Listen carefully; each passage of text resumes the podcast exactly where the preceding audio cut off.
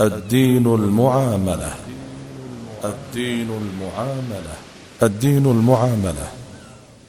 برنامج يبين المنهج الشرعي في تعامل الناس مع بعضهم.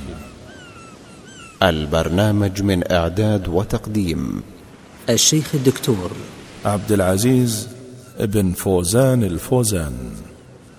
البرنامج من تنفيذ جمعان الجمعان. بسم الله الرحمن الرحيم. الحمد لله رب العالمين والصلاة والسلام على عبده ورسوله نبينا محمد وعلى آله وصحبه أجمعين. أحبة الكرام سلام الله عليكم ورحمته وبركاته. لا يزال حديثنا موصولا عن صلة الرحم. وقد كان حديثنا في الحلقة الماضية عن ثمرات صلة الرحم وذكرت جزءا منها. ومن هذه الثمرات العظيمة الجليلة بسط رزق الواصل وإنساء أثره. يقول النبي صلى الله عليه وسلم من أحب أن يبسط له في رزقه وينسأ له في أثره فليصل رحمه. رواه البخاري ومسلم. ويقول أيضا عليه الصلاة والسلام صلة الأرحام وحسن الجوار وحسن الخلق تعمر بها الديار وتزداد بها الأعمار. رواه البخاري ومسلم. وعن أبي هريرة رضي الله عنه عن النبي صلى الله عليه وسلم قال تعلموا من أنسابكم ما تصلون به أرحامكم فإن صلة الرحم محبة في الأهل مثراه في المال منسأة في الأثر رواه الترمذي وأحمد والحاكم وقال صحيح الإسناد. وقال الترمذي حديث حسن وقد أخرج عبد الله بن الإمام أحمد في زوائده والبزار بإسناد جيد كما قاله المنذري في الترغيب والترهيب والحاكم أيضا وصححه من حديث علي نحوه وزاد فيه ويدفع عنه ميتة السوء.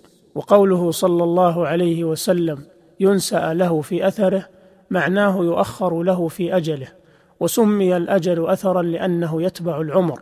كما قال زهير والمرء ما عاش ممدود له أمل لا ينقضي العمر حتى ينتهي الأثر وأصله من أثر مشيه في الأرض فإن مات لا يبقى له حركة فلا يبقى لقدمه في الأرض أثر. وقد يشكل على هذا الحديث أن الآجال مقدرة لا تزيد ولا تنقص. كما قال ربنا سبحانه فإذا جاء أجلهم لا يستأخرون ساعة ولا يستقدمون فكيف يزاد له في عمره؟ والجواب عن هذا من خمسة أوجه. الوجه الأول أن هذه الزيادة كناية عن البركة في العمر بسبب التوفيق للطاعة والعصمة عن المعصية والصيانة عن التفريط والإضاعة وعمارة وقته بما ينفعه في الدنيا والآخرة كأن يوفق لعلم نافع أو جهاد مبارك أو صدقة جارية أو ذرية صالحة أو غيرها من الفضائل والهبات التي يبقى له ذخرها وأجرها ويرتفع بها قدره عند الله تعالى وعند خلقه. ونظير هذا ما ورد عن النبي صلى الله عليه وسلم أنه تقاصر أعمار أمته بالنسبة لأعمار من مضى من الأمم فأعطاه الله ليلة القدر هذه الليلة المباركة كما وصفها الله كما وصفها الله عز وجل التي يحصل في ساعاتها القليلة من الأجور الجزيلة والخيرات الكثيرة ما لا يحصل في ألف شهر سواها وما أدراك ما ليلة القدر. ليلة القدر خير من ألف شهر. انا أنزلناه في ليلة مباركة. إنا كنا منذرين. فيها يفرق كل أمر حكيم. والحاصل أن الله تعالى يبارك في عمر واصل الرحم ويعينه ويوفقه ويهديه ويسدده. فيحصل من الخير والأجر والعزة والكرامة في الدنيا والآخرة. ما لا يحصله صاحب القطيعة والعقوق ولو كان عمره أضعاف عمر الواصل لرحمه. فمن الناس من يعيش مائه سنة أو تزيد ويكون حظه منها لا يزيد عن بضع سنوات فليس طول العمر بكثرة الشهور والأعوام ولكن بالبركة فيه كما أن سعة الرزق ليست بكثرته ولكن بحلول البركة فيه وحفظه من الآفات. الوجه الثاني أن الزيادة على حقيقتها وأن ذلك بالنسبة إلى علم الملك الموكل بالعمر وأما التقدير الأول الذي دلت عليه الآية فهو بالنسبة إلى علم الله تعالى كأن يقال للملك الموكل بالإنسان إن عمر فلان مئة سنة إن وصل رحمه وستون سنة إن قطعها. هذا على سبيل المثال. وقد سبق في علم الله أنه يصل أو يقطع. فالذي في علم الله لا يتقدم ولا يتأخر والذي في علم الملك الموكل هو الذي يمكن فيه الزيادة والنقص وإليه الإشارة بقوله عز وجل يمحو الله ما يشاء ويثبت وعنده أم الكتاب.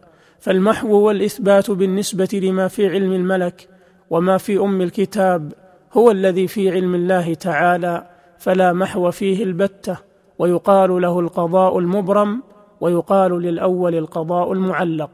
وأما الوجه الثالث فهو أن الله عز وجل يجعل لهذا الواصل لسان صدق وثناء وحمد وشكر فيرتفع ذكره ويشتهر فضله في حياته وبعد مماته ولا يضمحل أثره بمجرد موته كما هو الحال في قاطع الرحم. والذكر للإنسان عمر ثاني ولا يزال الإنسان معمرا ما دام ذكره الحسن باقيا. وقد صدق القائل دقات قلب المرء قائلة له إن الحياة دقائق وثواني فارفع لنفسك بعد موتك ذكرها فالذكر للإنسان عمر ثاني. وكم من أناس لا يزالون أحياء يذكرون بالخير وآثارهم شاهدة على مكانتهم وعظيم قدرهم وجلالة فضلهم. وهم تحت أطباق الثرى من مئات السنين بينما آخرون لا يزالون يعيشون على ظهر الأرض وهم معدودون في الموتى بسبب سقوط القدر وخمول الذكر. ولله در القائل وأفضل الناس من بين الورى رجل تقضى على يده للناس حاجات قد مات قوم وما ماتت مكارمهم وعاش قوم وهم في الناس أموات. ولما أنشد أبو تمام في رثاء محمد بن حميد الطوسي قصيدته المشهورة التي يقول في مطلعها توفيت الآمال بعد محمد وأصبح في شغل عن السفر السفر مضى طاهر الأثواب لم تبق روضة غداة ثواء لاشتهت أنها قبر عليك سلام الله وقفا فإنني رأيت الكريم الحر ليس له عمر قال له أبو دلف العجلي إنه لم يمت من رثي بهذا الشعر.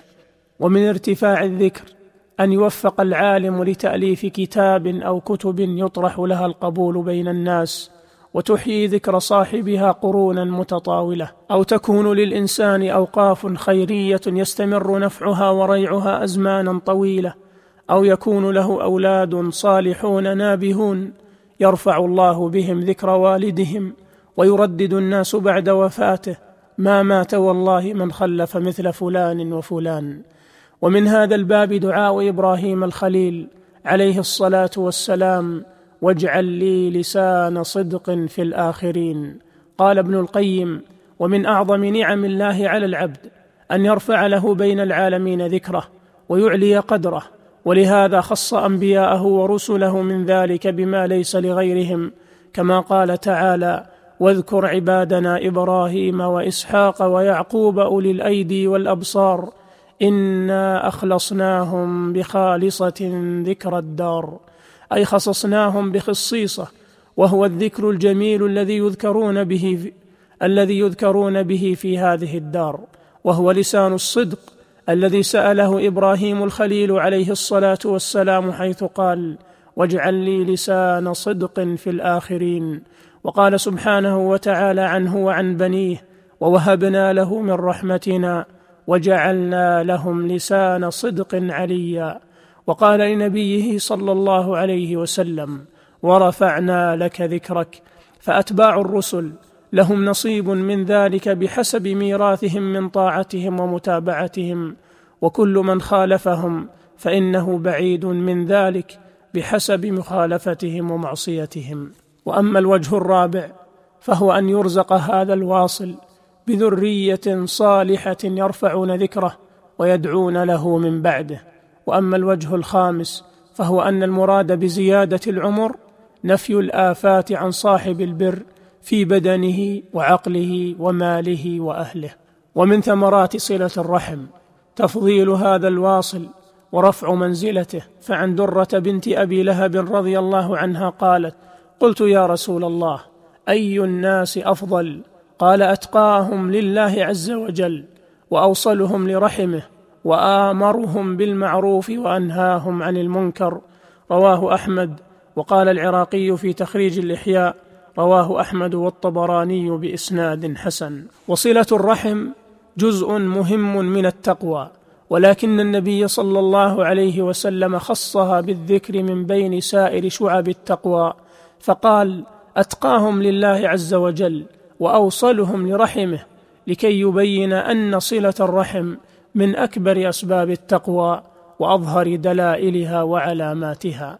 ومن ثمرات صلة الرحم إكرام الله له ومدافعته عنه. فعن عائشة رضي الله عنها في قصة بدء الوحي قالت فرجع بها رسول الله صلى الله عليه وسلم يرجف فؤاده حتى دخل على خديجة رضي الله عنها فقال زملوني زملوني. فزملوه حتى ذهب عنه الروع فقال يا خديجة ما لي؟ وأخبرها الخبر وقال قد خشيت على نفسي. فقالت له رضي الله عنها كلا أبشر فوالله لا يخزيك الله أبدا إنك لتصل الرحم وتصدق الحديث وتحمل الكل وتكسب المعدوم وتقري الضيف وتعين على نوائب الحق رواه البخاري ومسلم. ومعنى قولها أبشر فوالله لا يخزيك الله أبدا أي لا يبعدك ويفضحك ويهينك. فقد استدلت رضي الله عنها على عدم إخزاء الله له وتخليه عنه بما كان يقوم به صلى الله عليه وسلم قبل أن يوحى إليه من البر والإحسان وصلة الرحم ولذلك بدأت بها وقدمتها في الذكر ومن ثمرات صلة الرحم حصول الرفعة والعزة له ونصره على من عقه وقطعه وإيثاره على كل من آذاه وظلمه. وفي صحيح مسلم أن رجلا جاء إلى النبي صلى الله عليه وسلم فقال يا رسول الله إن لي قرابة أصلهم ويقطعوني وأحسن إليهم ويسيئون إلي وأحلم عنهم ويجهلون علي.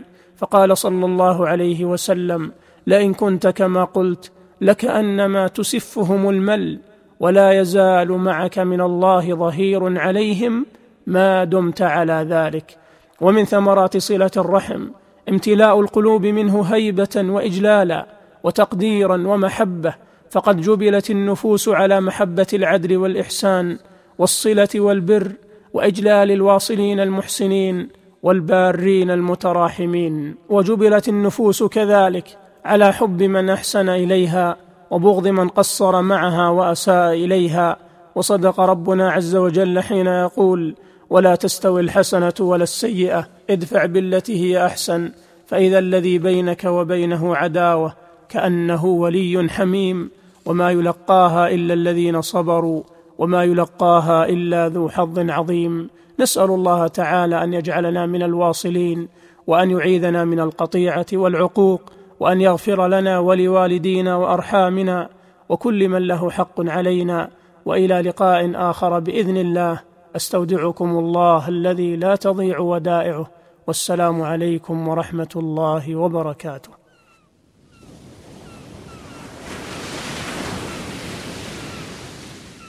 الدين المعاملة. الدين المعاملة. الدين المعاملة. برنامج يبين المنهج الشرعي في تعامل الناس مع بعضهم. البرنامج من إعداد وتقديم الشيخ الدكتور عبد العزيز بن فوزان الفوزان. البرنامج من تنفيذ جمعان الجمعان.